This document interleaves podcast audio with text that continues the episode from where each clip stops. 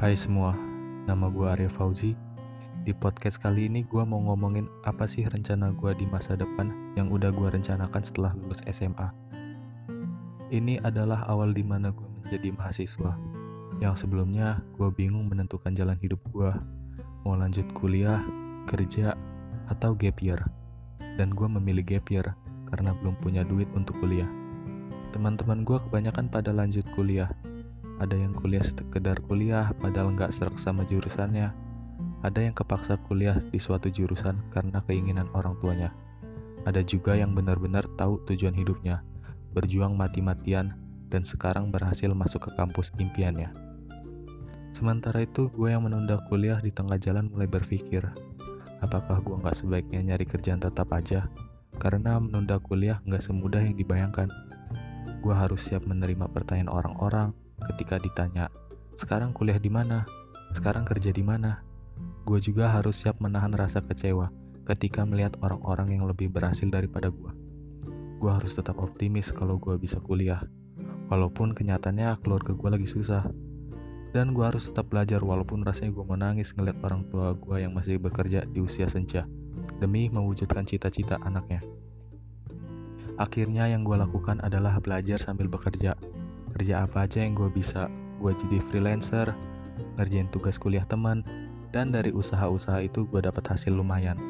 Ya walaupun hasilnya tidak pernah terkumpul buat biaya kuliah dan selalu habis buat kebutuhan rumah. Tapi gue bersyukur seenggaknya letih yang orang tua gue rasakan sekarang bebannya telah berkurang. Dari keringat yang bercucuran kini telah berubah menjadi dengan senyuman.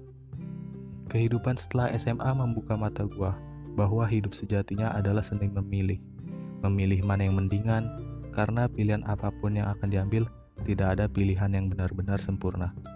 Mereka yang kuliah pernah bilang, enak ya udah kerja, udah bisa jajan pakai duit sendiri. Mereka yang bekerja juga pernah bilang, enak ya nunda kuliah, bisa nyantai-nyantai di rumah. Sedangkan gue bertanya-tanya, kapan ya gue bisa kuliah? Bisa gak ya gue keterima kerja? Dan akhirnya gue masuk PTN dengan Prodi Teknik Geofisika, Institut Teknologi Sumatera, salah satu perguruan terbaik di Lampung. Dan gue bersyukur banget tidak banyak orang yang seberuntung gue.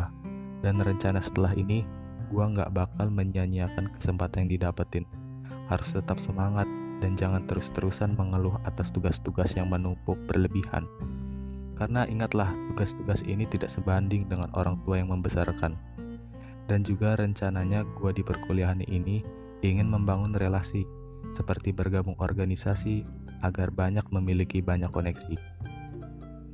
Dan setelah itu berdoa, semoga dilancarkan segala urusannya dan dipermudahkan segala urusannya.